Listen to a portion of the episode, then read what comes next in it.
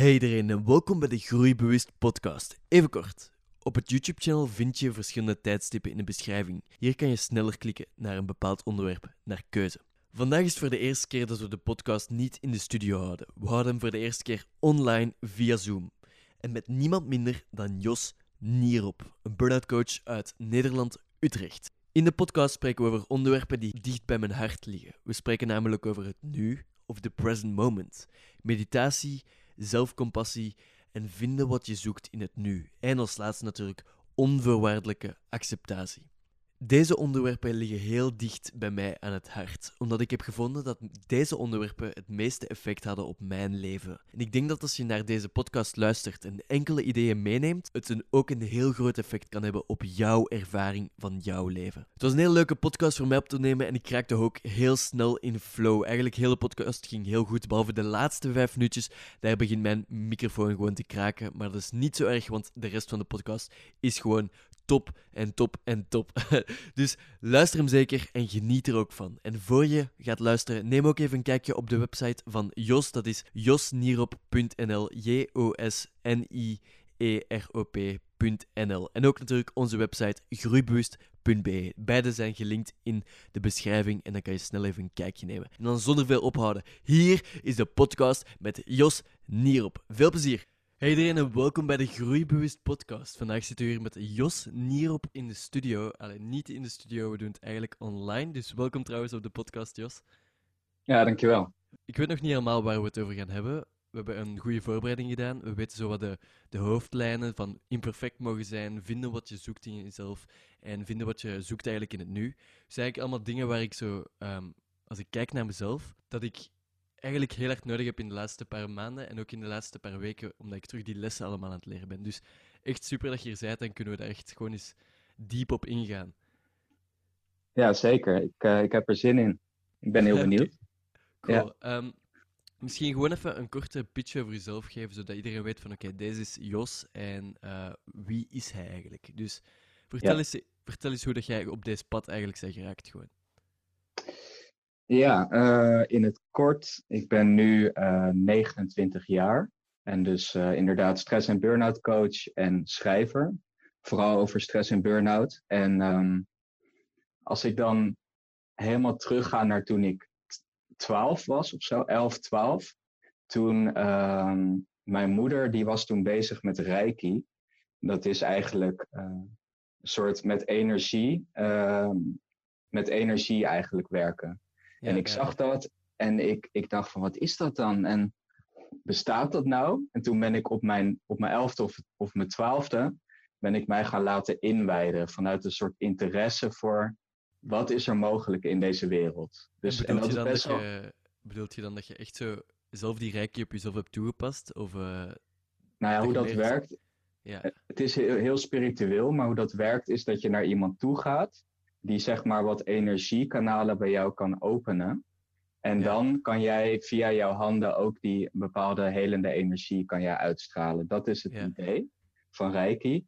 En ik was 11, 12 en ik dacht, nou, leuk wat mijn moeder doet, maar ik wil eens voelen of dat nou of dat kan. Dus ik ben, ik ben naar iemand toegegaan en heb mij heb die kanalen laten openzetten, et cetera.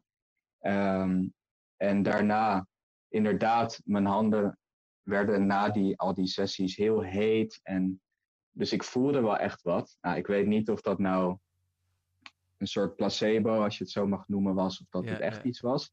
Maar daarmee wil ik aangeven, ik was al als jong yogi geïnteresseerd in, in wat, is, wat is dit voor wereld en wat kan hier allemaal. En uh, dat heeft zich heel erg doorgezet in de interesse in meditatie, interesse in wat zijn gedachten, waarom heb, waarom heb ik stress, waarom hebben andere mensen zoveel stress. Uh, Super cool. en zeg je dan ook ja. op die jonge leeftijd uh, ook begonnen met lezen en zo, of zeg je dat, is dat zo meer geleidelijk aangegaan? Uh, dat viel wel mee. Eén um, boek wat me wel is bijgebleven toen ik 14 was of zo heet What the Bleep Do We Know? En dat gaat ook over je gedachten, hoe die eigenlijk je werkelijkheid beïnvloeden. En hoe dat dan werkt met ook kwantumfysica en energie. Een supergroot onderwerp, maar daar las ik toen ook al over. En um, pas later... Het is echt zot, man, dat je op die leeftijd al begonnen bent met zelfontwikkeling. Echt super cool, gast. Ja, maar niet, niet heel actief nog. Ik ben zo in de periode dat ik ook een, uh, een intieme relatie kreeg. En, en toen ben ik, en dat ik ook uh, een studie deed, een master en zo. Toen ben ik daar steeds meer mee bezig gegaan. Gaan zoeken van wat wil ik nou echt en uh, hoe kan ik met stress omgaan en hoe kan ik met liefde omgaan. Steeds meer is dat. ja, ja, dat zijn zo uw, onderwerp, ja. uw onderwerpen geworden. Ja. En hoe zeg je dan eigenlijk, um, want uw missie is ook meer zo om te kijken naar van hoe dat jij imperfect mocht zijn en zo. Hoe zeg je daar zo allemaal tot, tot, tot die onderwerpen geraakt? Ja, dat is eigenlijk een hele heel persoonlijke reis geweest. Um, ja. Omdat ik wel een. Ik ben niet zo lang. Hoe lang ben jij? Uh, ik ben een meter 74. Ik had deze vraag niet zien aankomen. Ja. ik ben 1,70 meter en van jongs af aan wel een soort zelfbeeld. Ik ben ook hoogsensitief, kunnen we het misschien nog wel over hebben. Maar daardoor een beetje een zelfbeeld ontwikkeld van, oh, ik ben een beetje zwak. En ik ben een beetje misschien te gevoelig voor deze wereld. Ehm, en dat heb ik heel erg meegedragen uh, tot aan mijn volwassenheid eigenlijk. En, en, um... Dat is zoals wat Jan Geurt zegt, uh, de negatieve geloof dat we hebben zo. Ja, je negatieve zelfbeeld. Dat het bij iedereen uitzicht dat weer op een andere manier. Ja. Um, maar het is een zoektocht geweest van hoe kan ik daar nou uh, mee omgaan en hoe kan ik daar, ja. ja ik kan, me, kan me daar echt wel bij aansluiten op wat je zegt, omdat bijvoorbeeld toen ik ik heb, niet op die, ik heb niet op de leeftijd van elf ontdekt hoe dat ik wat zelfontwikkeling was en zo. Maar ik was wel altijd gefascineerd door psychologie en hoe dat je met mensen in interactie moest gaan. En als ik kijk, vroeger op school had ik altijd zoveel slechte punten. En ik voelde me altijd zo super dom. Dus mijn zelfbeeld was eigenlijk meer zo van: ik ben een domme jongen die niks kan bereiken. Dus ja. dat is ook super interessant om daarmee aan de slag te gaan. En hoe dat, je, um, hoe dat Jan Geurts mij bijvoorbeeld daarop heeft gebracht hoe dat, om dat te zien. Dus dat was echt super cool, man. Ja, ja het, het beïnvloedt jou, jouw gedrag nog steeds waarschijnlijk. Dus dat. Um, ja, dat, ja, ja, dat diepe, dat diepe gevoel, inderdaad, dat is van grote invloed op je keuzes nu. Ja, ik denk dat zelfs deze podcast een deel is waarom, uh, waarom ik dit doe. Zodat je eigenlijk zo slimmer kunt worden en zo een soort van met, met, met dat zelfbeeld kunt omgaan. Dus ja, dat is echt super interessant, ja, ja, man. Dat is echt super interessant. En als je dan kijkt naar bijvoorbeeld um, hoogsensitiviteit, uh, stress en angst, um, hoe heeft dat u daar beïnvloed? Of wat waren uw inzichten daarin? Um, ja, dat is een brede vraag. Um, nou ja, ik denk een heel belangrijk inzicht. Ik, ik word dit jaar 30. Als je dat zo helemaal samenvat, mijn, mijn ervaring met hoogsensitiviteit, is dat um, het heel belangrijk was voor mij om daarover te lezen. Wat is hoogsensitiviteit? Nou, het blijkt dat er mensen zijn, zeg één op de vijf mensen, dat die wat gevoeliger zijn voor, voor prikkels, voor geluid, voor licht, voor, voor heel veel informatie, et cetera. En dat die dat diepgaander verwerken. Dus dat zijn mensen die uh, wat meer tijd op tijd alleen nodig hebben, die het fijn vinden om in een rustige omgeving te werken. En ik heb daar heel veel over gelezen. En daardoor heb ik mijn zelfbeeld weer enigszins kunnen, je zou kunnen zeggen, veranderen of herstellen. Omdat ik nu beter begrijp wat er allemaal gebeurd is toen ik klein was. Ja. Dus ik snap nu van, oh, oké, zwak is niet het goede woord. Ik was uh, gevoelig voor, ik was empathisch, ik was heel receptief, ik was heel erg bezig met de emoties van anderen, omdat ik hoogsensitief ben. Dat wil helemaal niet zeggen dat ik zwak ben. En dat is denk ik voor veel gevoelige mensen heel belangrijk om ook weer het verleden in een ander licht te zien. En dat een beetje. zo'n reframe krijgen op, op hun zelfbeeld en op hun verleden. Ja, oké. Ja, ja. En als je, als je zo mensen begeleidt of zo met, met uh, hoogsensitiviteit, hoogsensitiviteit, waar je kan het niet uitspreken. HSP, HSP. Ja, HSP, maar dat is super simpel, die afkorting. Maar wie dat heeft ja. verzonnen, echt nice. ja. Maar en als je kijkt van naar de mensen die meestal bij u komen, waar, waar worstelen zij dan meestal mee en hoe helpt jij hun daarmee dan? Uh, de mensen die bij mij komen, die hebben simpel gezegd last van, van stress. Ja. Dus, en dat kan, en dan langdurige stress. En daardoor kan je overspannen raken of burn-out. Wat wil zeggen dat je lichaam heel erg uh, ja, toch wel uitgeput aan het raken is van continu maar in een overdrive, continu aanstaan. Versnelde hartslag, versnelde ademhaling, zweten. Heel, het, is te, het is vermoeiend voor je lichaam, dus te weinig rust. En um, ik help eigenlijk met weer ontspannen. Ja. Dus ontspannen en uitrusten. En dat is zo simpel als um, je ademhaling rustiger maken. En mediteren. Dat soort mindfulness, die dingen. En we gaan ook op zoek naar wat, hoe kan het nou dat, waar komt die stress vandaan? En dat is bij iedereen anders.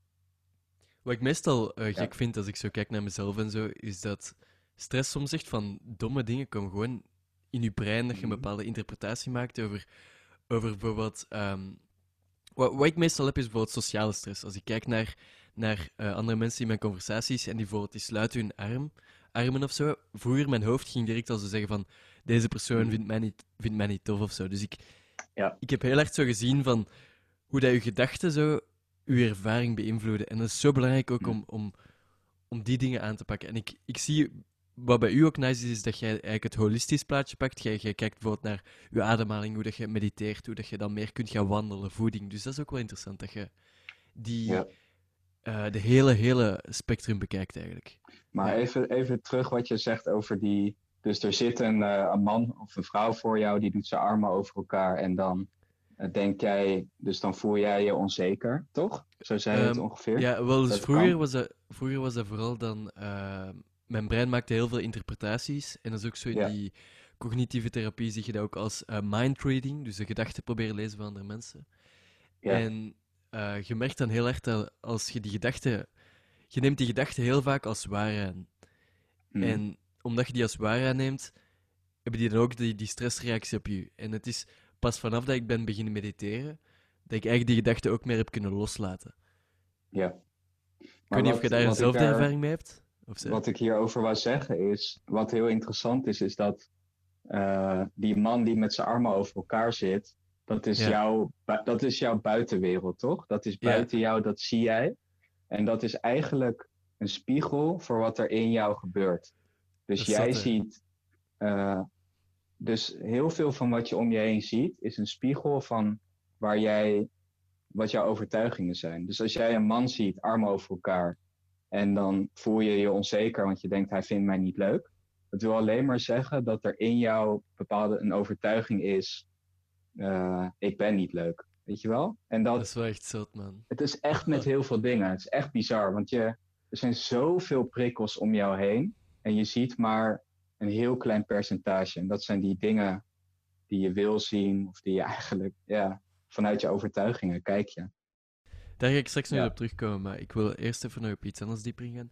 Als je dan zo kijkt naar ehm, de spiegel, die, dus de buitenwereld is je spiegel. Hoe gaat je dan het beste om met de dingen die in je spelen? Ja, zo bijvoorbeeld je overtuigingen. Ja, ja, ja, ja. Nou ja, laten we weer dat voorbeeld nemen dat er iemand voor je zit die doet, bijvoorbeeld bij een sollicitatie, die doet zijn armen over elkaar en jij krijgt het gevoel je gaat ook een beetje zweten, wordt een beetje rood van, oh, die persoon vindt mij raar. Of zo. Dat kan, kan gebeuren. Prima. En wat ik, waar ik nu op uitgekomen ben, wat het beste helpt, is dus ten eerste verschuif je aandacht van weg van die persoon naar jezelf. Want het gaat over jou. Dus richt je aandacht op jouw eigen lichaam, op je eigen ervaring. En dan, wat ik graag doe, je zou het zelfcompassie is een heel belangrijk onderdeel, denk ik, van wat je dan kan doen. En daar kunnen we heel lang over praten, maar dat wil in het kort eigenlijk zeggen dat je ziet dat je zeg maar vanuit misschien een, een kindgevoel dat je, dat je uh, heftig reageert, dat je daar liefdevol als een ouder of een opa of een, je beste vriend, dat je daar liefdevol jezelf toespreekt. Van hé, hey, je vindt het best wel spannend en je twijfelt aan deze man tegenover jou. En het maakt niet uit, het is oké dat je je zo voelt. En dat hebben we allemaal wel eens. Dus, dus er geen, geen groot probleem van maken. Hier zijn twee coole dingen waar ik dieper op ingaan, uh, wil ingaan. Is, en, uh, ten eerste die innerlijke criticus die we allemaal hebben. Dus we hebben allemaal zo de, de innerlijke stemmetje, zo, wat ze zegt van bijvoorbeeld, die mensen vinden u vreemd of zo. En wat ik vaak zeg, wat ik vaak zie als ik tegen mensen spreek van, uh, van ja, je kunt eigenlijk die wel spreken met je eigen gedachten of zo, dan kijken ze zo vreemd aan van, van wat spreekt je met je eigen gedachten of spreekt jij jezelf aan? En mm. ik vind, ik vind het gewoon super interessant dat je dat ook gewoon kunt doen, dat je ook gewoon... Ja. Het is niet, je maakt het geen, het wordt geen apart deel van u, maar het is zo'n deel van jezelf waar dat je eigenlijk tegen kunt spreken, zo'n soort van conversatie met jezelf. Ja. Dat is echt zo zot dat dat kan eigenlijk. Uh, het is een heel fijn inzicht dat, er dus, dat je meerdere stemmen of meerdere delen in jou hebt. Dus als jij bij die sollicitatie zo ineens helemaal rood wordt en gaat zweten, dat is maar een onderdeeltje van jou. Maar tegelijk is er ook een zelfverzekerd volwassen deel, er is een speels deel, er is een kinderlijk deel.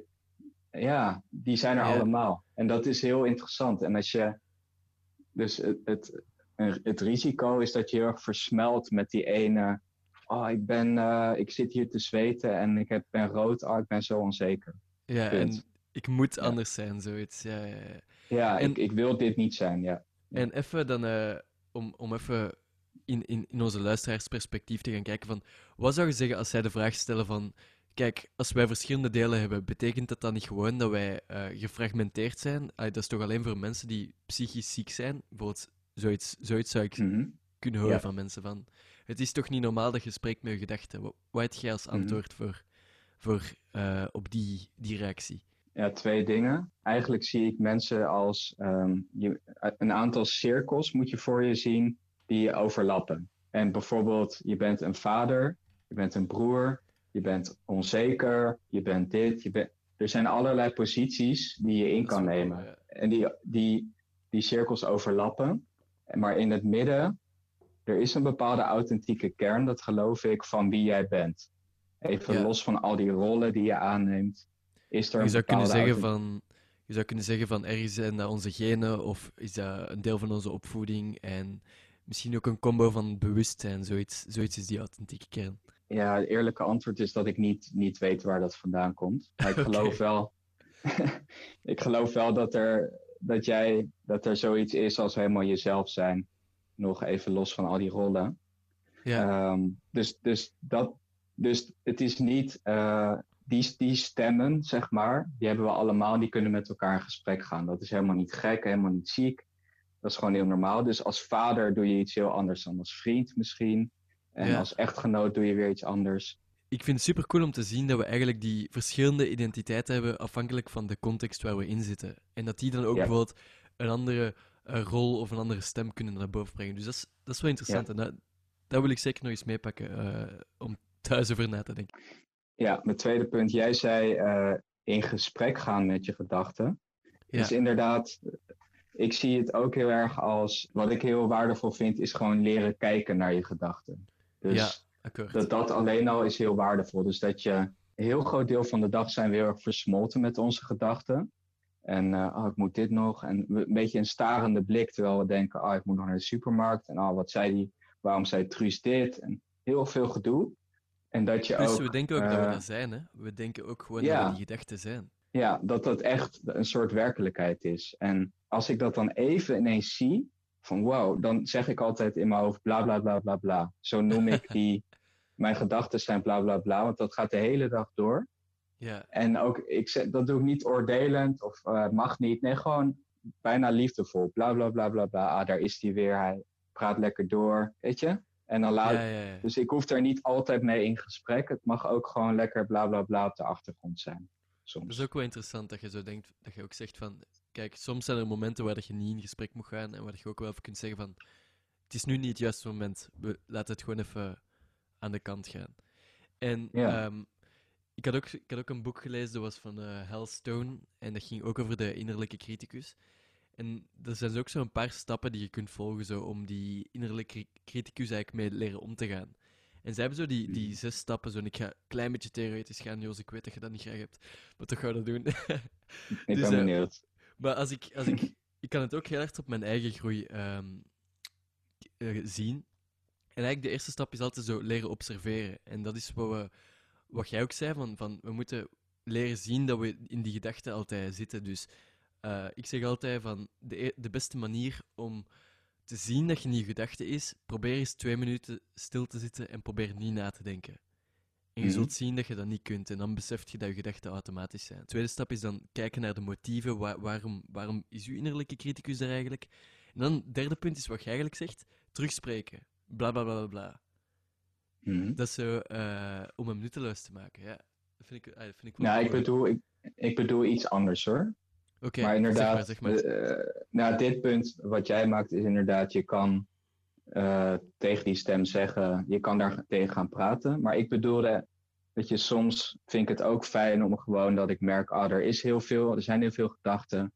Dan zeg, dan noem ik ze allemaal even bla bla bla bla bla. En dan ga ik me weer richten op het hier en nu. Dus ik ga vaak ook helemaal niet in gesprek. Hmm, dat is eigenlijk zoals het, uh, het principe van mindfulness. Je gedachten benoemen en teruggaan naar waar je op wilt focussen, terug naar het heden. Ja, oké. ja mijn gedachten zien, niet eens benoemen. Gewoon, oh, er zijn heel veel gedachten en terug. Ja, maar ga verder. Ja, ja. Uh, en wat, wat, ik verder had gezien was van, um, dus in die stappen was terugspreken was een derde stap. Vierde was nutteloos maken, dat je eigenlijk zijn, zijn doelen wat aan de kant brengt. En dan, de meest interessante stappen vind ik persoonlijk, is ten eerste vijf zelfcompassie.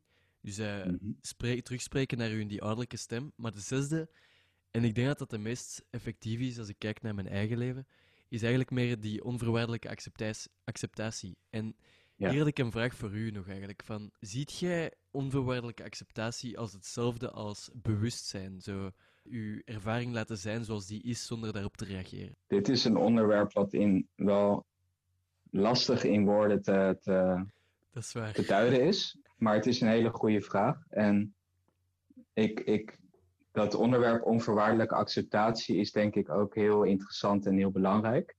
Ja, ik, ik, ik kan dit uitleggen, maar dan moet ik eerst even een, een, een soort ervaring even creëren. Dus mag ik even... Doe maar, doe maar. Voel je vrij. Drie, drie minuutjes of zo. Ja. Dus dan wil ik jou en de luisteraars vragen om even drie minuutjes iets te proberen. Ja? Oké, dat is cool. Moet ik meedoen? Ja, ja, doe gewoon mee. Het is een beetje een medita meditatieoefening, maar heel simpel. Ik ga mijn ogen sluiten dan, hè? Oké. Nou, hoeft niet, hoeft niet. Hou maar open. Hoeft niet? Oké, cool. Nee. Dus um, we gaan eigenlijk even ons, onze aandacht naar het hier en nu brengen. Nu zijn we best wel cognitief in ons hoofd heel erg bezig. We hebben niet zoveel aandacht waarschijnlijk voor dit moment en deze omgeving. Dus ik wil je vragen om eerst eens twee keer gewoon wat dieper adem te halen. En met al je aandacht bij die twee adem, ademhalingen te zijn. Meer hoef je niet te doen. Dus je ademt lekker naar je buik.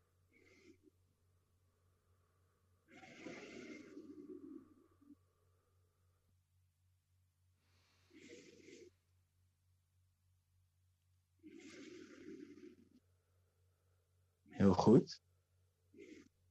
En dan wil ik je als tweede stap vragen om is heel erg te letten op wat je nu hoort, op de geluiden op dit moment. Dus je hoort mijn stem. Misschien hoor je binnen in de kamer hoor je wat dingen. Al je aandacht richt je even op wat hoor ik nu. Hoor ik bomen of auto's buiten het raam? Hoor je je eigen hartslag? Wat, wat voor geluiden zijn er nu? Al je aandacht op de geluiden die er nu zijn.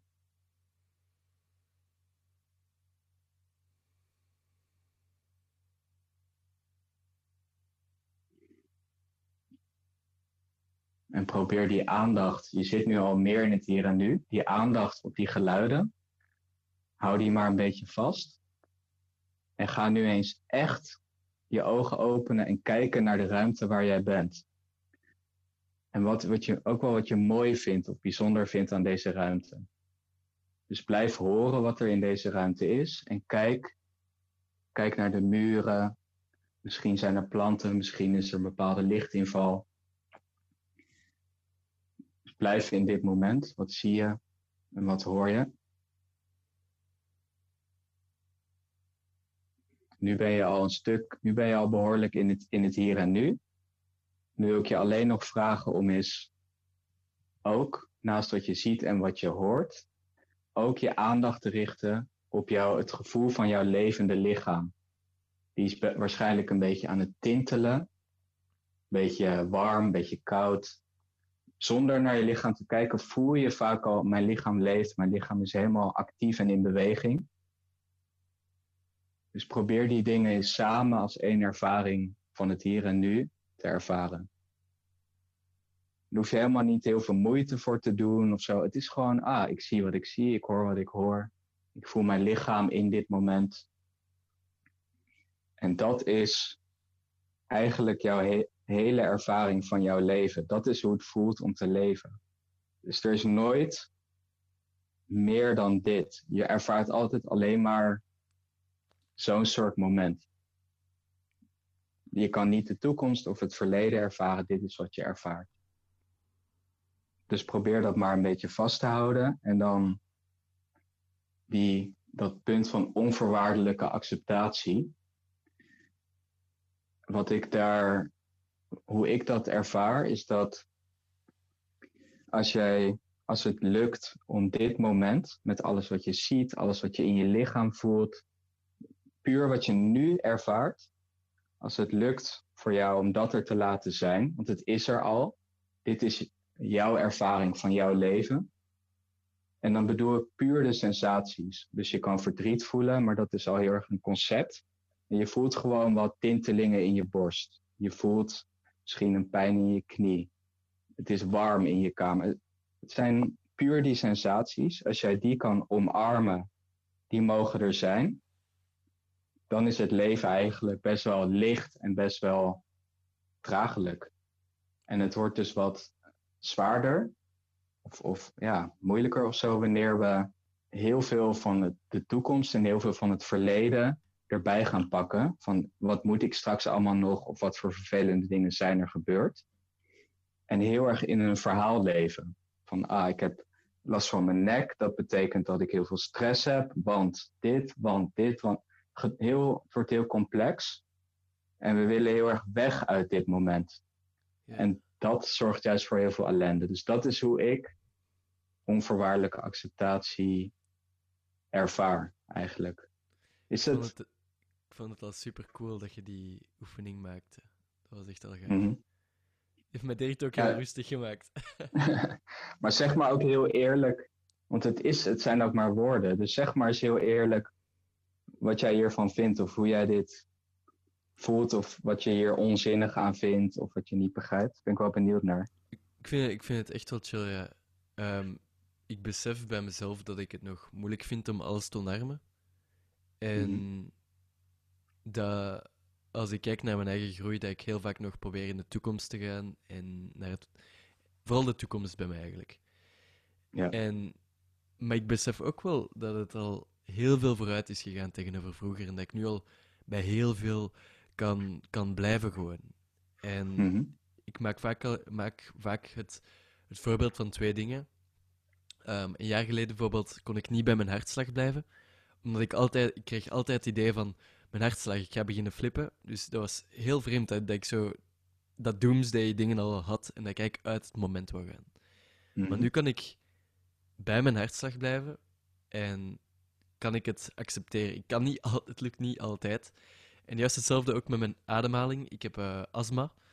En mhm. vroeger had ik altijd heel veel schrik om mijn ademhaling te verliezen. En nu kan ik veel sneller zien wanneer. Je zei het eigenlijk trouwens heel mooi in, in uw verwoording van de meeste dingen zijn concepten.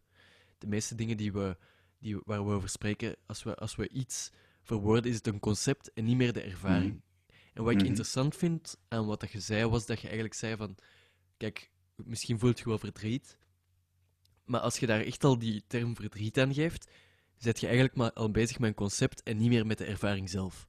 Ja, exact. Dus het, is, het is super interessant om bij die sensaties te blijven en gewoon te mhm. voelen wat er is. Ja, ja. En ik denk, zoals je zelf zegt, van, vanaf dat je dat kunt doen, is het grootste deel van het leven lichter. Ik ga zeggen lichter, want er is altijd wel een beetje lijden. En ehm, het, is echt draag, het is echt draaglijk, man.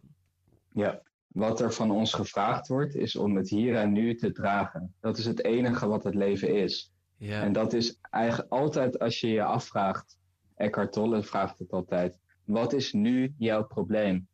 dan is eigenlijk in, in zoveel gevallen is er geen probleem. Als je echt gaat zoeken, je moet echt gaan zoeken, je moet terugdenken aan je verhaal. Maar feitelijk is het altijd, nu ben ik aan het fietsen. Nu ben ik aan het thee drinken. Nu zit ik op een stoel. Nu ben ik aan het typen. Het is echt, Dat is echt het leven.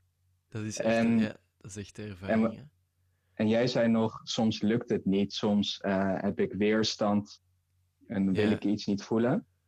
En uh, het is ook heel erg de kunst om dat dan ook er te laten zijn, want het is er toch al.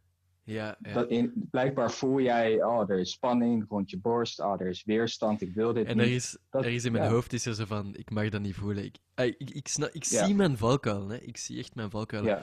Want ik heb ook uh, ik heb een beetje gebruik gemaakt van mijn uh, do-modus in plaats van zijn-modus.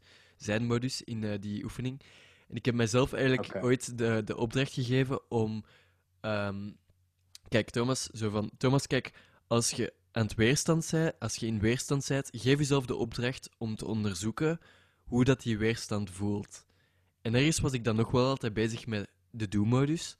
Dus ik ga even voor de luisteraars. Do-modus is meer wanneer je eigenlijk um, een opdracht uitvoert, wanneer dat je brein zegt van uh, dit is mijn gewenste toekomst, hoe gaan we uh, daar geraken? En zijn modus is meer wat Jos aan het zeggen is van in het moment uh, je observeert gewoon wat er allemaal is. Je zijt aan het typen, je zijt bezig. Je zijt. Mm Ja, en maar ik had, al, ik had zo de manier om mijn. Um, om eigenlijk oké te worden met het nu, heb ik eigenlijk de do-modus gebruikt door eigenlijk te onderzoeken wat mijn ervaring was. En mhm. zo kon ik eigenlijk zo wat loslaten, die do-modus loslaten en mijzelf um, toestaan om in het moment te kunnen zijn. Ja, oké. Ik moet zeggen, dat is de belangrijkste les die ik ooit in mijn leven heb geleerd. Oké.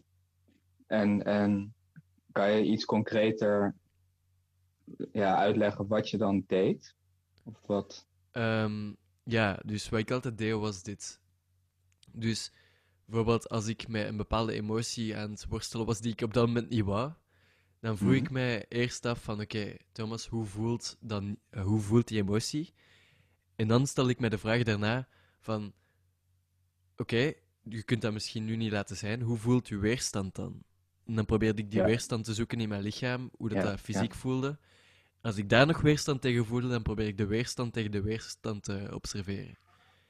Tot ik het kon accepteren. Het, het, het, vraagt heel veel lef wel. Dus je gaat eigenlijk naar iets toe waar je niet, uh, wat je niet wil voelen. En het kan ook best wel heftig zijn.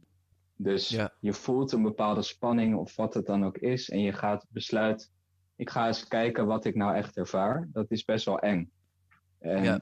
Toch, maar ja, ja.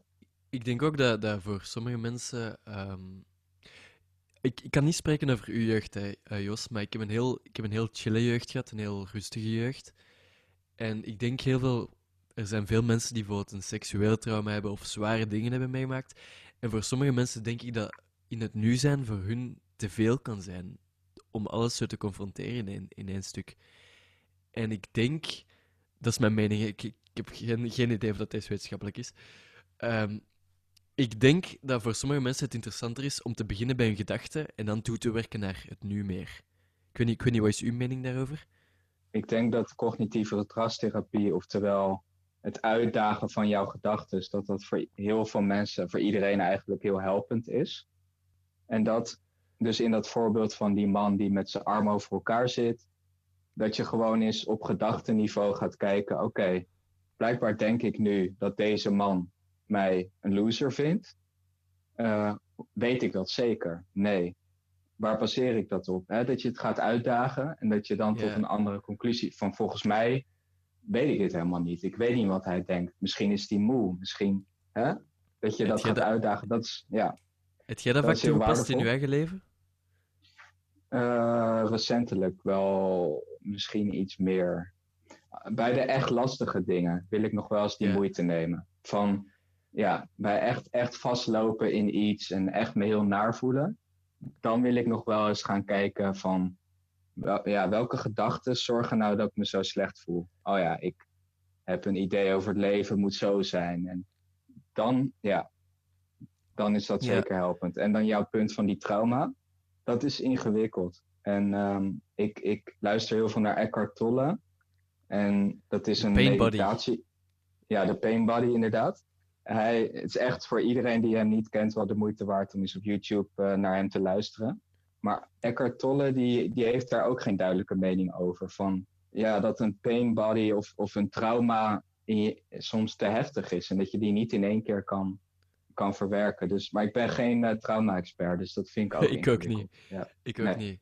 Um, ik, vind, ik vind ook trouwens, Eckhart Tolle is een heel mooie introductie, vind ik. Het is cool om zo de eerste keer kennis te maken met, met het moment eigenlijk, omdat het gewoon zo simpel is uitgelegd. Ja, ja. Het is, het is gewoon van alles is het nu en that's it. Ja, dat is zo ja die, die, die oefening van net, dat is gewoon, heb ik van Eckhart Tolle. Dus dat okay. Eckhart Tolle heeft een aantal mensen houden van stapjes. Hij heeft een aantal stappen om je in het nu te brengen. En dat is inderdaad nou, zien wat je ziet, hoor wat je hoort, voel je lichaam. En dan de laatste stap is eigenlijk, voel ook dat je je bewust bent van al die prikkels, alles wat je ziet, hoort, lichaam. Er is een soort bewustzijn dat mogelijk maakt dat jij dit allemaal ervaart.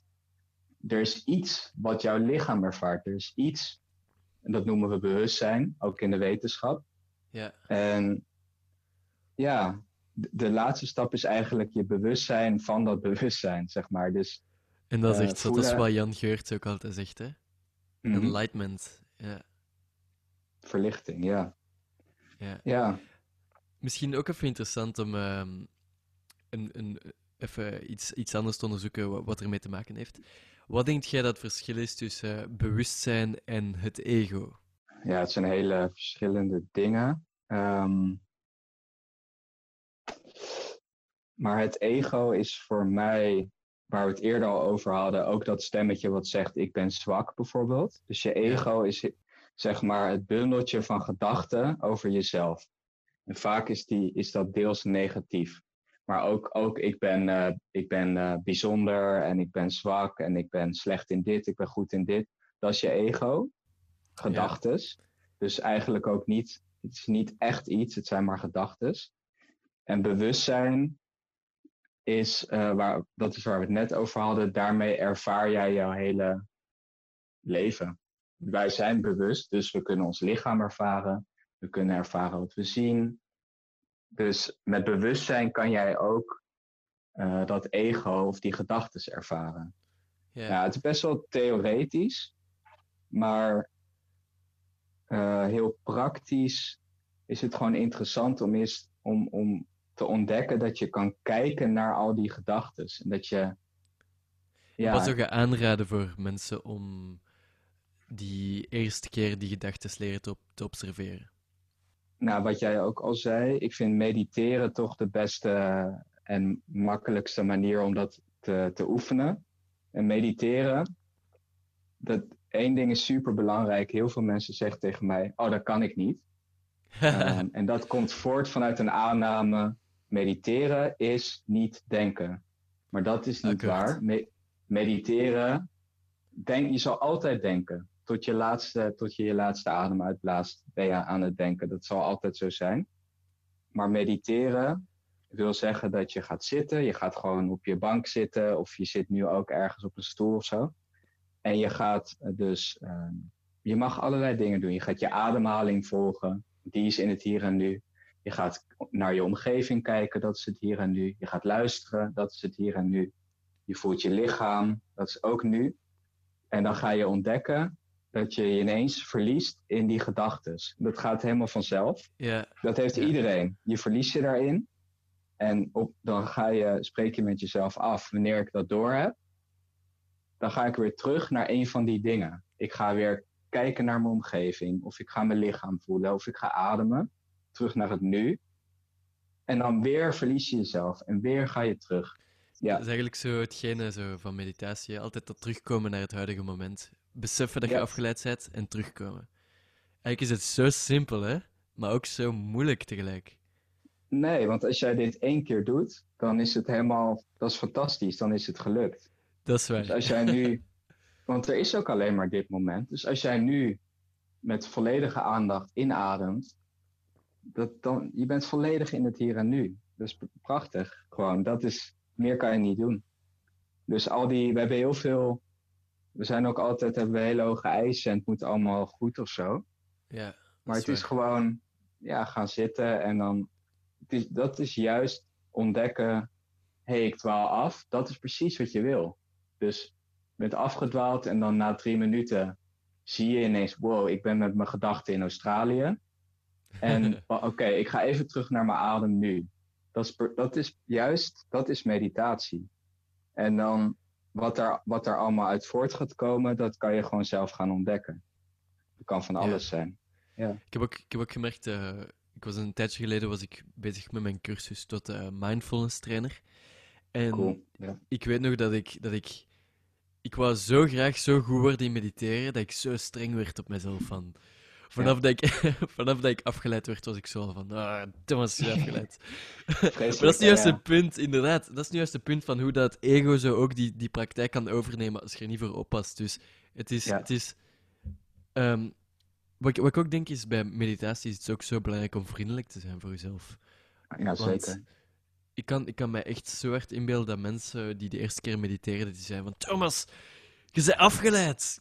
We kunnen niet mhm. mediteren. En het mhm. is vanaf dat je die, die vriendelijkheid, zoals, zoals we dat ook hebben besproken, van hé hey, kijk, is oké. Jan Geurt zegt ook altijd van, dat is afge je bent afgeleid, dat is prima.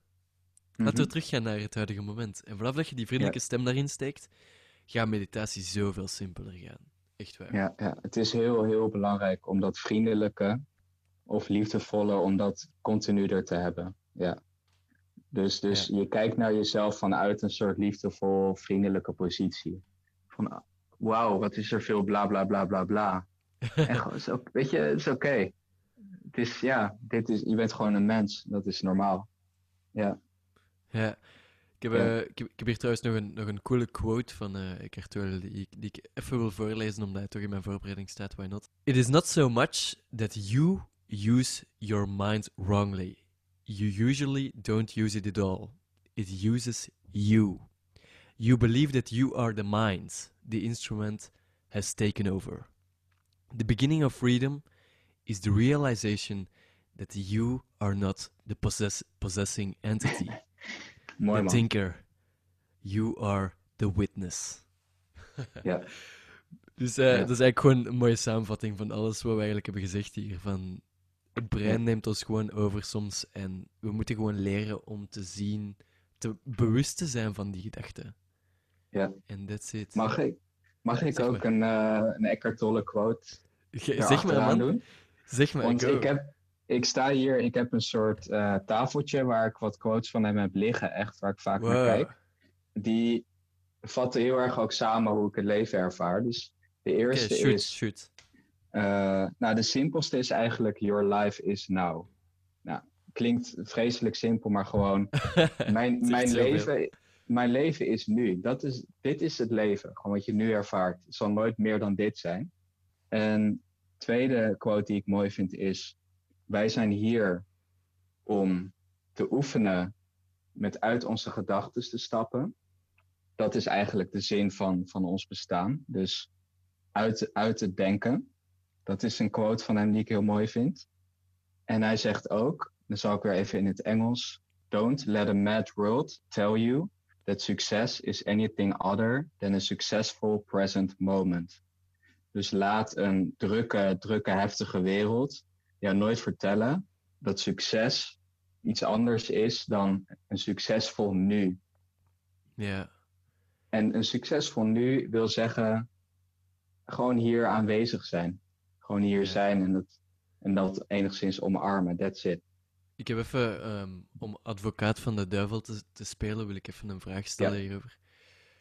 Wat zou je zeggen tegen iemand die ehm, in een moeilijke situatie zit? Bijvoorbeeld, hij woont in de slechte wijken van, ik weet niet, Amsterdam, ik weet niet of er slechte wijken zijn in Amsterdam, maar echt, of Utrecht of waar dan ook.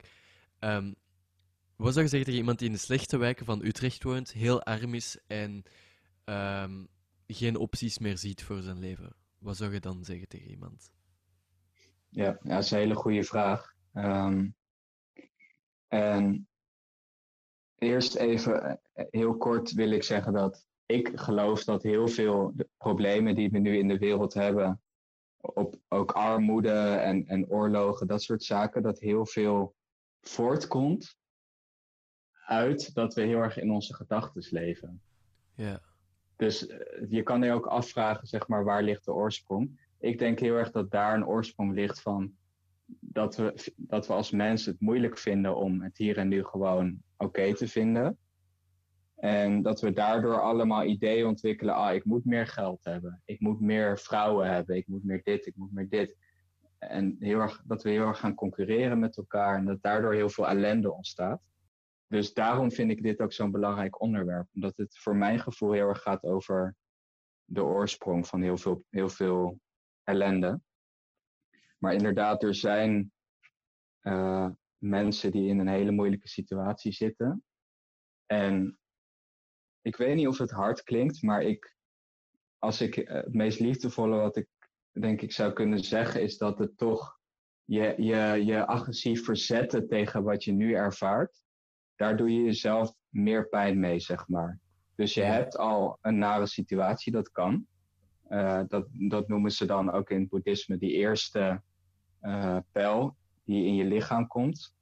En als jij dan dat helemaal niet wil voelen, maar je voelt het al, dan doe je jezelf nog een tweede keer extra pijn. Ja. Dus toch, eh, het, ja, het, eh, en, en dat is, misschien klinkt het heel hard, maar ik denk toch dat dus het uh, kunnen omarmen van wat er nu is, dat dat wel helpend is in je ervaring. En vanuit, als je dan wil zoeken naar een beter leven, en, en dat begint voor mij altijd in het hier en nu. Dus ik denk dat het, dat het voor, voor personen die in een moeilijke situatie zitten, dat dat ook zo is. Ja. Maar wat ik nu niet goed kan praten of weg kan praten, is dat de wereld gewoon soms vreselijk ellendig en oneerlijk is. Dat, dat, is, dat is gewoon zo. Ja. ja, ik denk ook van, niet iedereen heeft het makkelijk. Hè? En dat is, ook, dat is ook het onderdeel van compassie trouwens. Um, mm -hmm. Je hebt altijd die compassie. We hebben heel lang gesproken nu over zelfcompassie en compassie naar jezelf, spreken met de innerlijke criticus. Maar ook een ander deel van boeddhisme is meestal bijvoorbeeld ook van. Heb compassie voor de mensen buiten, buiten u en heb compassie voor de dieren buiten u. Ja. En ik denk dat dat soms nog. Ja, nee, dat is ook een moeilijke. Meestal is het compassie voor jezelf, denk ik, het moeilijkste. Maar ik denk dat vanaf die compassie voor jezelf gaat, dat je ook veel sneller compassie krijgt voor andere mensen. Ja, het gaat wel een beetje samen. Ja. ja. ja. Trouwens, ik, Had nog een, ik had nog een belangrijke vraag voor u. Um, als jij kijkt naar het bewustzijn, wat denkt jij dat bewustzijn is? Ik, even nog één opmerking over die compassie. Want dat zelfcompassie uh, helpend is, dat is best wel duidelijk. Maar compassie is ook helpend omdat het jouw aandacht verschuift van heel erg op jezelf gericht zijn, ook naar ook geven om wat er om jou heen gebeurt. En dat kan helpen in ook om je eigen ervaring wat fijner te maken. Zo ja, zo. want je kunt ook je kunt veel meer begrip voelen voor andere mensen. Je beseft dat, je beseft dat andere mensen ook lijden. En ja, en je bent niet alleen op de wereld. Je bent niet alleen, ja. Ja, ja. Maar, maar goed. tegelijkertijd heb ik ook zo van... Uh, vrienden zeggen mij soms, als ik daarover spreek, mijn, zeggen, ze mij, zeggen ze mij soms van... Uh, Thomas, maar niet iedereen lijdt toch? Mm. Niet iedereen lijdt. Nou, ik geloof dat... Ik, ik denk dat iedereen lijdt, hoor. Het is eigenlijk het is een realistisch perspectief, maar het is tegelijkertijd ook een negatief perspectief. Wat denk jij daarvan? Dat klopt. Ik zal je vraag over bewustzijn hou ik, hou ik in mijn uh, draag ik bij me. Oké, okay, ik heb hem opgeschreven. Ja, dus uh, inderdaad, boeddhisten die zeggen dat het leven lijden is. En dat heeft heel erg te maken met dat alles, dat heb je ook ervaren als je een tijdje op aarde bent, alles verandert continu. Alles, alles wat je ervaart, continu in beweging. En daardoor alles waar je je aan hecht, dat ga je ook weer verliezen. Dus uiteindelijk is het leven in die zin heel, ja, is een lijdensweg, zeg maar. Uiteindelijk raak je alles kwijt wat jou dierbaar is, zeg maar. Dat is echt en... fucked up, hè? Fucked up ja. nou ja, het, het, is wel waar op zich. Het is wel um, waar. Het is wel maar waar. het is tegelijk een heel nuchter persoon. Zou hier een beetje moeite mee hebben. Van jeetje, wat doe je nou moeilijk? En waarom, waarom doe je zo, pak je het lezen zwaar op, weet je wel? Ga gewoon genieten, ga lekker voetbal kijken. En, wat zou je tegen deze personen zeggen? ik denk dat hij ook een goed punt heeft. En ik zelf hou ook wel heel erg van die, van die positie. Maar we moeten ook niet ontkennen dat het leven tijdelijk is, vluchtig is. En dat we inderdaad alles wat we nu bezitten weer kwijt gaan raken. En ik denk dat het leven zich ook verdiept wanneer je dat echt inziet. Dat je maar heel even hier bent, zeg maar te gast op aarde. Dat je wat spullen uh, je toe-eigent die je straks ook weer in moet leveren, zeg maar. Dat je een lichaam krijgt die je straks weer kwijtraakt. Dat je wat liefde met mensen ervaart en die mensen ga je ook weer, ga je weer afscheid van nemen.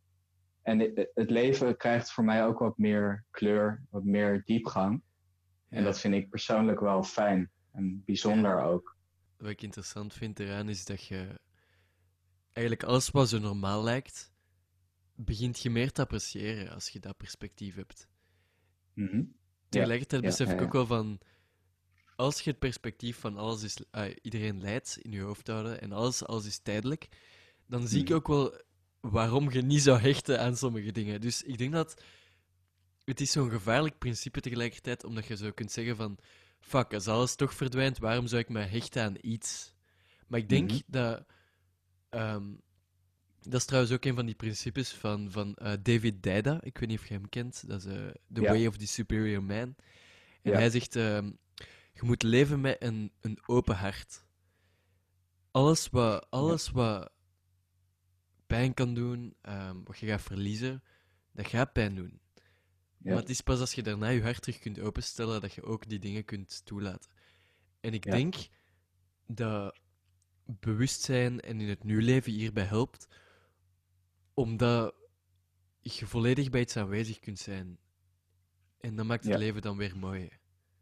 Mm Ja. Shit, man, diepe dingen. ja, en het, het, laten we eerlijk zijn, het zijn ook wel lastige thema's om met woorden daar heel erg uh, op in te gaan. Dus, Sowieso, ja. ik, een, een, film, een film die hier uh, heel erg op aansluit heet Pleasantville.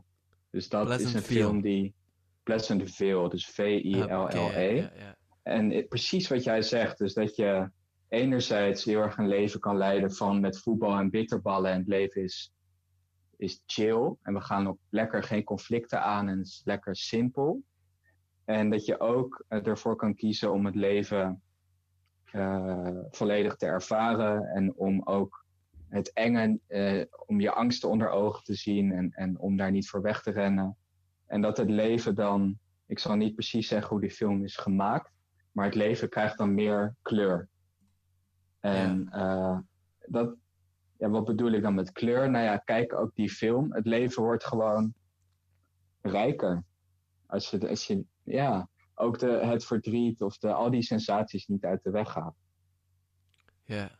Denk ik, ja. Het klinkt mij wel eens een echt, het klinkt mij een heel intens pad. En ik zie, eh, ik zie bij mezelf, omdat zelfontwikkeling is en psychologie is zo een deel van mijn passie. En ik denk dat jij dat ook wel mee hebt, dat dat ergens wel ehm, dicht bij je hart ligt.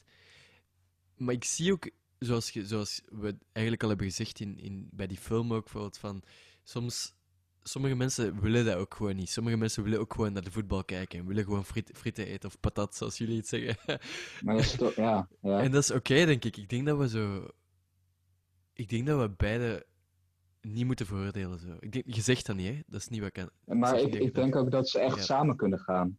Ja. ik, ik heb ook heel erg dat verlangen naar voetbal kijken, patat eten. En dat doe ik ook. Weet je? Dat is gewoon jezelf zijn. Gewoon lekker, lekker trouw zijn aan jezelf. Dat is mm. prima. En hoe zou, je, hoe was je aanraden om een goede balans daarin te vinden? Even, jij noemde het woord zelfontwikkeling. En dan komen we wel heel erg bij mijn, visie en waar die ook misschien verschilt van heel veel anderen, is dat ik geloof dat je je helemaal niet hoeft te ontwikkelen. En dat je gewoon, jij zoals je daar nu zit, volledig gearriveerd en precies bent zoals je moet zijn. Je, bent, je hoeft niks meer te doen. Dat is, dat is, mijn, dat is hoe ik dat is mijn visie wel. Dus zelfontwikkeling is in die zin niet nodig. Je bent gewoon, nu ben je gewoon jezelf en dat is meer dan genoeg. Ja. En dus als iemand houdt van voetbal kijken en, en friet eten en daar, daar echt voldoening uithaalt, dan is dat ook goed. Dus het, spiritueel gezien kan je ook allemaal rare ideeën krijgen dat je heel bepaalde perfectie moet, moet uh, uh, dus moeten, alleen dat woord al. Maar dat, ja, dat zijn ook mijn ideeën. Ik zie wat je me bedoelt en ik zie mezelf heel vaak in die valkuil trappen. Dat ik zo het gevoel heb dat ik iets moet bereiken en ergens moet zijn. En ik denk dat ik ook over de jaren um, meer vriendelijker ben geworden naar wie ik moet worden. Of wil worden. Zie, het woord kwam er al, hè, moet. Ja. maar um, als ik zie als ik zie naar mezelf, dan probeer ik ook die balans te behouden tussen in het moment kunnen zijn en kunnen genieten en tegelijkertijd ook kunnen veranderen. Want ik zie ook het mhm. gevaar ervan in. Als we, als we het, het, is een dubbel, het is een zwaard, ah, het is zo'n soort van. Het, het, kan, het kan u heel veel positiviteit geven, maar het kan u ook in een soort van patroon zetten waar je denkt van, ik ben toch al perfect, dus ik moet mij niet aanpassen, bijvoorbeeld. Snap je wat ik bedoel? Mm, ja. ja. Ja. Maar ik vraag me toch af van, heb jij het idee dat je nu niet, uh, dat je er nu nog niet bent of zo? Of niet goed? Oh, dat zijn goede vragen dat je stelt, man. We zouden ja, bijna een coaching sessie hebben moeten doen. ja, ik ben gewoon benieuwd of zo. Je hoeft ook niet, je hoeft, ja, je hoeft niet antwoord te geven per se. Ik denk half-half ik denk dat ik op sommige momenten... Kijk, ik ben 23, ik ben mezelf nu allemaal aan het uitzoeken. Hè. Mm, dus mm. Ehm, ik denk dat het al veel beter is dan vroeger. En dat ik heel vaak nu gewoon kan zijn, zonder dat ik mezelf een, een oordeel opleg waar ik moet naartoe geraken. Mm. Maar ik besef dat ik nog altijd wel zoiets in mij heb van... Dit is toch nog waar ik moet geraken. Maar ik probeer het meer en meer los te laten. En ik, ik heb laatst ook meer een soort van aanpassing gemaakt in mijn eigen, in mijn eigen denken. En in plaats van te kijken naar van wie, wie, wie moet ik zijn, heb ik nu meer gekeken van wie wil ik zijn. Ja, ja. En ik vond dat een krachtige manier om anders te kijken. En ik weet dat het toch, toch het is nog altijd verschillend met, met um, de het spirituele pad van dat je kijkt van deze moment is volledig hier, oké. Maar toch ergens denk ik dat het belangrijk voor, voor een persoon is om te definiëren wat je waarden zijn, waar dat je voor wilt staan. Zo. Begrijp je wat ik bedoel? Ja, ja zeker. Ja, maar eh, toen ik luisterde naar, naar jouw antwoord en dus ik vroeg, uh, ben, je nu, ben je er nu al, ben je nu goed? En in feite is jouw antwoord zijn een aantal gedachten achter elkaar. Zo gedachte A, B, C. True. Eigenlijk hoor ik gewoon, ja, je bent er wel gewoon, maar je hebt moment. daar... Ja je, je, bent, je bent gewoon goed, maar je hebt daar wel een aantal ideeën over ontwikkeld. Van ja, maar misschien toch niet helemaal. Of maar ik, ik, wil nog dingen of zo. Ja, ik vind het gewoon heel interessant om daar ook naar te kijken van.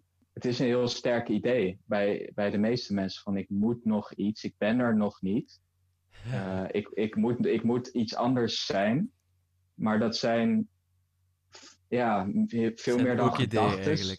Het zijn gewoon ideeën, ja. ja. En, en los van die ideeën durf ik tegen je te zeggen van je bent helemaal goed. Perfect is niet het goede woord. Je bent, we zijn niet perfect. We zijn een beetje, een beetje gek allemaal als mens. Je bent gewoon helemaal goed. Je bent helemaal 100% goed. En ik, ik ook. En, en de luisteraar ook. En daar kan je niks meer aan veranderen. Je kan dat niet. Ja, het is gewoon goed. Ik vind het en je kan wel leuke dingen doen. leven doen wat je wil, inderdaad. Ja. Ik vind het echt zot dat, uh, ik ga dat voor het universum noemen. Het universum geeft mij altijd dezelfde lessen. Zo. Bijvoorbeeld wat jij me nu zegt, die les heb ik echt al twintig keer, twintig keer geleerd en twintig keer gewoon vergeten. En, en... Mhm. Dus het is zo interessant om zo telkens die, die lessen terug te zien en te denken van, ja, oké, eigenlijk Thomas, soms mocht je meer loslaten en, en mhm. het is oké om gewoon hier te zijn. Maar wow. de, je, jou, de wereld zal altijd een spiegel ook blijven. Om dat steeds maar weer te laten zien. En ik zal je heel eerlijk zeggen, ik heb ervaar precies hetzelfde als jij. Dus ik krijg continu weer eh, in de spiegel terug van ah, je gelooft dat je niet, eh, nog niet oké bent zoals je bent. Dat is heel veel wat ik ook, dat zie ik nog steeds in mijn wereld om mij heen. Maar dat leert me nu steeds meer, oh ja, dat gaat over mij. Ja. Begrijp je dat? Ja, ja ik zie wat je bedoelt, omdat je bijvoorbeeld stel je loopt over straat of zo en... Ja. Ja, en je, je denkt zo, wat denken deze mensen allemaal over mij? Maar tegelijkertijd is die gedachte, die speelt in u. Mhm. Dus dat is uw spiegel. En ik heb daar nog een vraag voor u over. Wat zou je, wat zou je zeggen aan mensen die juist met het concept van spiegelen ehm, leren, leren dat, die dat juist leren kennen door deze podcast bijvoorbeeld? Hoe mhm. kunnen ze dat goed aanpakken? Hoe kunnen ze die spiegel leren opmerken? Nou ja, op het moment dat jij uh, iets vervelends ervaart, bijvoorbeeld je loopt inderdaad over straat en je voelt je heel erg gespannen, dat je eigenlijk, je voelt je best wel onzeker en je, hebt het idee dat mensen naar jou kijken, dan is het een leuke oefening om te stoppen met heel erg je op je nogmaals, dus je op je buitenwereld te richten en heel erg te gaan onderzoeken, ah, vinden ze me nou echt raar? En wat langer mensen aankijken of wat meer rechtop gaan lopen en, en heel erg moeilijk gaan doen met die buitenwereld. Maar om je, om je aandacht te richten naar jouw lichaam, wat je in je lichaam ervaart. En dan weer dat woord zelfcompassie, om gewoon liefdevol tegen jezelf te zeggen ook van hé, hey, je voelt je nu een beetje onzeker, en dat is oké. Dat, dat, is de, dat is de werkelijkheid, denk ik. Uh, het is goed om daar dan, daar dan naar terug te keren, om daarop te focussen eigenlijk. Ja. ja. Wow, dat is zo zot, man. dat is echt nice. Nee, het, het, het, is eigenlijk heel simpel. Weet je, het is net even een andere focus. Ja. Het klinkt misschien heel groot, maar. het is, maar ik denk, het is een heel simpel concept, maar het is heel moeilijk om toe te passen. En daarom dat ik nog een extra vraag voor heb. En wat ik vaak zie is dat je hebt die vriendelijkheids, uh, love and kindness meditations. Hè? En een deel van die, van die meditaties is waar dat je uh, vriendelijkheid naar jezelf moet, moet brengen. Bijvoorbeeld, um, ik wens je uh, een goed leven. Ik, ik wens je. Of Thomas, je mag er zijn. Thomas, je bent goed. die dingen. Als je dat zegt tegen jezelf. Meestal mensen ervaren dan een heel grote weerstand daartegen. Ze vinden het heel moeilijk om dat tegen hunzelf te zeggen. Wat denk jij dat daar van de oorzaak is en wat denk jij dat, uh, hoe dat ze met die weerstand tegen dat, tegen dat gevoel of tegen die, die dingen kunnen omgaan? Het is wel een aanname die ik niet zo goed eh, niet herken. Dus ik zelf heb dat probleem niet. Dus ik zeg inderdaad ook aan het eind van de meditatie van, uh, hey, vaak ook mijn ouders en mijn vrienden, et cetera, van hey, mogen jullie gelukkig en veilig en blij zijn. En dan richt ik het ook op mezelf. hey Jos, mogen jij uh, gelukkig zijn vandaag en, en, veilig en blij. Ik vind dat niet, uh, niet gek om te doen. Dat is gewoon heel nee. welgemeend. Vind jij dat? Ik vind het, ik vind het echt nice. Lastig? Ik vind het echt nice, omdat ik zo die liefde voel voor, voor mezelf en mensen dan in mijzelf. Ja. Maar ik, ik weet nog dat ik dat voor een vriend aan het doen was. En ik zei op het, op het punt, zei ik van, ja, oké, geef die liefde nu aan uzelf. Um, laat het in uw binnenstroom voort of, of uh, wens uzelf veel succes of zoiets. Ik verzin ja. even iets, hè. En ja. ik weet nog dat hij daar echt achteraf als feedback gaf bij mij van, ja, Thomas, de hele meditatie was heel nice. Totdat je, totdat je zei dat ik het aan mezelf moest geven. En da daarvoor voel ik toch wel wat weerstand. Dus Misschien ook met, die, met dat gevoel van dat we perfect moeten zijn. Dat we onszelf geen liefde kunnen geven omdat we nog niet perfect zijn. Zoiets, denk ik. Ja, ja, misschien. Maar ik denk ook dat er gewoon dat er onnodig veel gedachten zijn over dit allemaal. Van, want hij, hij heeft daar gewoon ideeën bij. Van misschien vindt hij het zweverig of hij vindt het uh, een beetje, een beetje kinderachtig of zo. Dus hij heeft daar bepaalde oordelen of ideeën bij. Ja. En dan wordt het wat lastiger. Ja, dus eigenlijk zou je zeggen van observeer de oordelen en probeer het gewoon.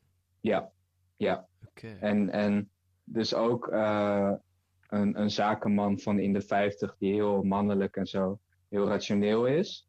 Die zou ik ook heel erg uh, aanraden en gunnen om heel liefdevol met zichzelf om te gaan alsof hij een kind is. En, en vanuit een soort opa-rol heel liefdevol uh, zich te visualiseren dat hij zichzelf een kus geeft op zijn voorhoofd en een knuffel. en, en, uh, en echt in volle liefde met zichzelf omgaat. En ik weet zeker, eh, waarschijnlijk gaat die persoon uh, zeggen van ja, ik ben geen, ik ben geen watje en gewoon gaat me uitlachen. En dat is weer die spiegel. Hè? En dat is dan wat het is. Maar ja, ik denk dat het heel helpend is, heel fijn is om zo met jezelf om te gaan. Ik, ik, zie ook in mijn eigen um, vooruitgang dat, dat het ook een heel andere aanpassing was. Bijvoorbeeld vroeger was ik tegen mijn innerlijke criticus altijd zo aan het tegenspreken. En vanaf dat ik die boeken van Jan Geurts heb geleerd, uh, gelezen, was het ook zo van, ah oké, wacht. We kunnen vriendelijk zijn naar onszelf en we kunnen onszelf proberen begrijpen. Dat geeft zoveel begrip voor jezelf en dat geeft zoveel warmte en dat is zo nice om dat te doen. Ik denk dat deze podcast voor mij echt gewoon een grote herinnering is, man. Ja. dus ja. het is echt zo van, Thomas, dude, probeer het, gewoon, probeer het gewoon opnieuw. Het is altijd zo, zo nice om het nog eens opnieuw te doen. Dus nu wil ik nog even terugkomen naar de vraag die ik daar had opgeschreven voor u. Wat denk jij dat bewustzijn uh, is? Ja, nou ja, ik weet niet of de luisteraar erop zit te wachten, maar... Um... Maakt niet uit. ik wil het weten. Uh, ja, ik, ik heb wel veel uit het boeddhisme gehaald. Niet, niet het religieuze, maar boeddhisten zeggen dus, nou, het leven van jou als individu is lijden, want je gaat alles kwijtraken wat je hebt. Het is, zij zeggen dan, de oplossing, zeg maar, is ervaren wie jij werkelijk bent. Ja. En we hebben net een oefening gedaan en toen voelde je al een beetje, ah, ik ben me bewust van met de kamer. Ik ben me bewust van de geluiden. Ik ben me bewust zelfs van mijn eigen lichaam. En ik ben me bewust van mijn gedachten. En misschien zijn dat wel twee verschillende dingen. Die, dat bewustzijn en alles wat zich daarin afspeelt. En boeddhisten ervaren dus dat zij wat zij werkelijk zijn. En laten we er niet te veel over nadenken. Zij zijn het bewustzijn. Het bewustzijn waarmee jij jouw kamer nu ervaart en het bewustzijn waarmee ik dit ervaar, is gewoon hetzelfde. Dus hetzelfde soort. Er is bewustzijn in, in, in dit heelal.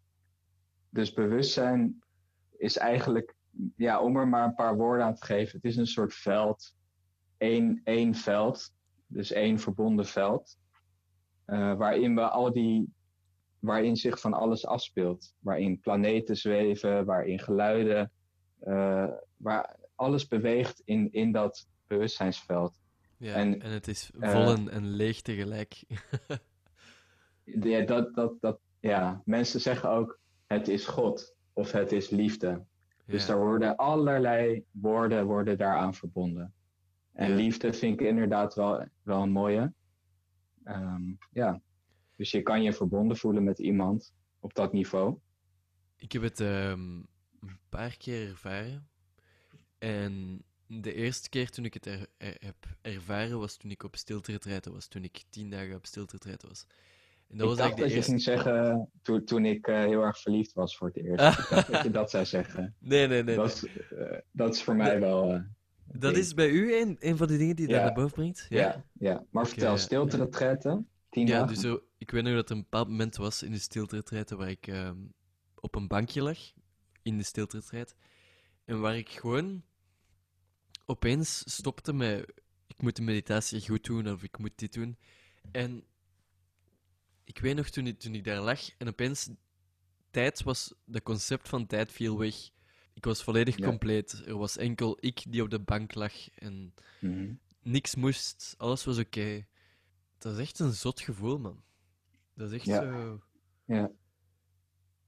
Dat is echt gewoon thuiskomen. Dat is zo van, uit, ik ben er. Ja, maar je kan deze ervaring ook wel oproepen door, in mijn ervaring, dus die Eckhart Tolle filmpjes op YouTube. Dat is echt interessant om, om dat eens gewoon te kijken en te kijken wat er gebeurt als je daar naar luistert.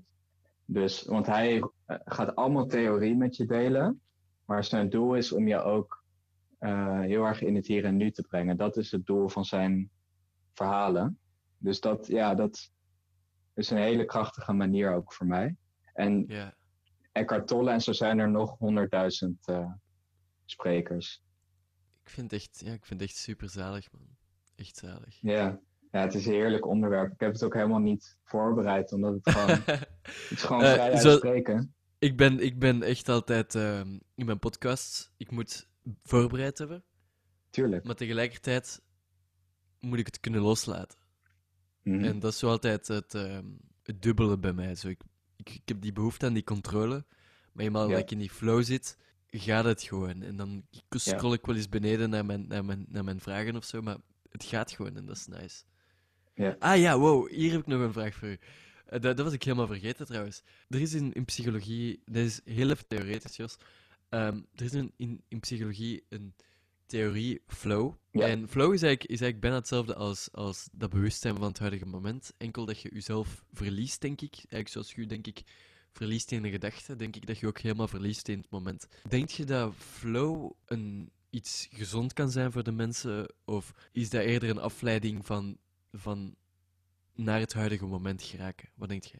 Ja, hele leuke vraag. Dus flow, daar is ook heel veel onderzoek naar gedaan. En flow is eigenlijk dat je, dat er, dat je iets doet. Bijvoorbeeld je bent aan het schrijven of je bent aan het voetballen. Dus je bent een taak aan het doen die precies ehm, moeilijk genoeg is voor jou. Precies uitdagend genoeg. In mijn geval, ik vind blogs schrijven echt heel leuk om te doen. Jullie moeten allemaal Jos en zijn blog eens checken. heel goede blog. Ik ga hem linken in de beschrijving.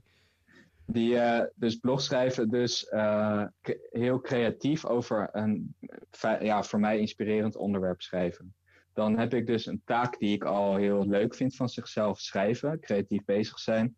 En het is op een hoog genoeg niveau. Dus ik wil iets schrijven wat, wat mooi is en zo. En dan kom je dus in iets wat flow heet, wat wil zeggen dat, dat de, de tijd, je ervaring van tijd ook heel anders wordt. Dus ik kan inderdaad dan een uur lang of twee uur lang schrijven. Of in ons geval nu, we kunnen twee uur lang praten. En dat kan voelen als tien minuten bijvoorbeeld. Dat is heel apart. Dus je, je, en je verliest ook de aandacht op jouzelf inderdaad. Je, je verliest jezelf in het moment. Dus je bent even niet met jezelf bezig. En ik denk dat dat een prachtige, super, super waardevolle ervaring is. En dat dat is waar we ook over praten. Ja. Want ja. Als, ik, als ik het zo bekijk, is zo, zo flow is zo vanuit de do-modus, zie ik het meer. En ik zie bewustzijn eerder als zo het zijn. Zo. Ergens in mijn hoofd is daar zo nog een verschil aan. Ja, het is. Ja. Kijk, weet je nog, um, er was op uh, Positieve Psychologie-congres was er zo'n een spreker en die noemde Itai Ividzvan. Dat was zo'n meditatiespreker, mm -hmm. ik, weet niet of, ik weet niet of je hem nog kent. Ja. Ja. Ik heb hem ooit um, een berichtje gestuurd van: uh, Hey Itai, wat is uh, dus in, in, het Engels van: wat is het verschil tussen flow en presence? En hij zei: ja. um, bij bewustzijn is echt zo het verschil dat je. Je bent helemaal bewust ook van jezelf, je verliest jezelf niet in het moment. Maar bij flow wel. Waar, ik, naar, ik denk dat ik naartoe wil gaan was. Misschien dat flow toch nog altijd een afleiding is voor het huidige moment maar misschien ook niet. dus ik weet het niet. Nou, mijn, mijn ervaring is dat het niet per se echt flow, dat dat niet per se een afleiding hoeft te zijn. Dat, dat je gewoon het heel fijn is om het hier en nu volledig te ervaren. Ja, ja. Zou er zo'n ander niveau kunnen zijn van het bewustzijn van deze moment? Er is zo meer het actieve bewustzijn. Zo. We kunnen inderdaad, je kan ook gaan gamen. En dan ben je inderdaad ook wel in flow. Dat is waarom gamen zo verslavend is, man. ja, en je kan je afvragen of dat nou is wat Eckhart Tolle bedoelt. Daar heb je helemaal gelijk in. Dat, daar heb je wel gelijk in. Dat je, want gamen is op een bepaalde manier ook jouw, jouw hoofd helemaal vullen met allemaal prikkels. Waardoor je niet meer kan, uh, kan denken. Verder over je eigen dingen. En ja, dus misschien hangt het ook van de activiteit af. En als jij gaat moderne dans gaat doen bijvoorbeeld, is dat wel weer meer een presence ervaring waarin, jou, waarin jij het leven helemaal in jouw lichaam ervaart. En is iets als gamen, wat heel erg ook heel cognitief en heel druk of zo is, is, is anders. Maar nou, ik, ik, ik, ik, definitieve antwoord uh, weet ik niet. Dat is nooit waar we over moeten nadenken. ja, ja, ja. Oké, maar misschien is het goed dat we even naar een conclusie gaan, want anders uh, dat, we, dat we voor de mensen nog, eens, nog eens een goede herhalen. Als jij zou willen meegeven van uw drie dingen, dus je hebt u imperfect mogen zijn, vinden uh, wat je zoekt in jezelf en vinden wat je zoekt in het nu. Als jij dat in zes zinnen of zo zou moeten willen uitleggen aan, en aan iemand willen meegeven, wat, wat zou je meegeven aan die persoon dan? Ik zou um, willen zeggen dat het heelal, ik ga iets, iets meer zinnen, maar zo min mogelijk. Het heelal is doe maar, doe maar. On, niet te bevatten, dus oneindig groot. Daarin is er een soort knikkertje waarop wij als miertjes ons leven leiden. Allemaal heel, heel gezellig. En wij hebben als mensen allemaal ideeën, we hebben al, heel complexe ideeën over wat het leven is, wat het zou moeten zijn, wat is succes, wat heb je allemaal nodig om gelukkig te zijn. We hebben een heel complex, complexe maatschappij, ook een heel complex systeem gebouwd, waar je als babytje in terecht komt.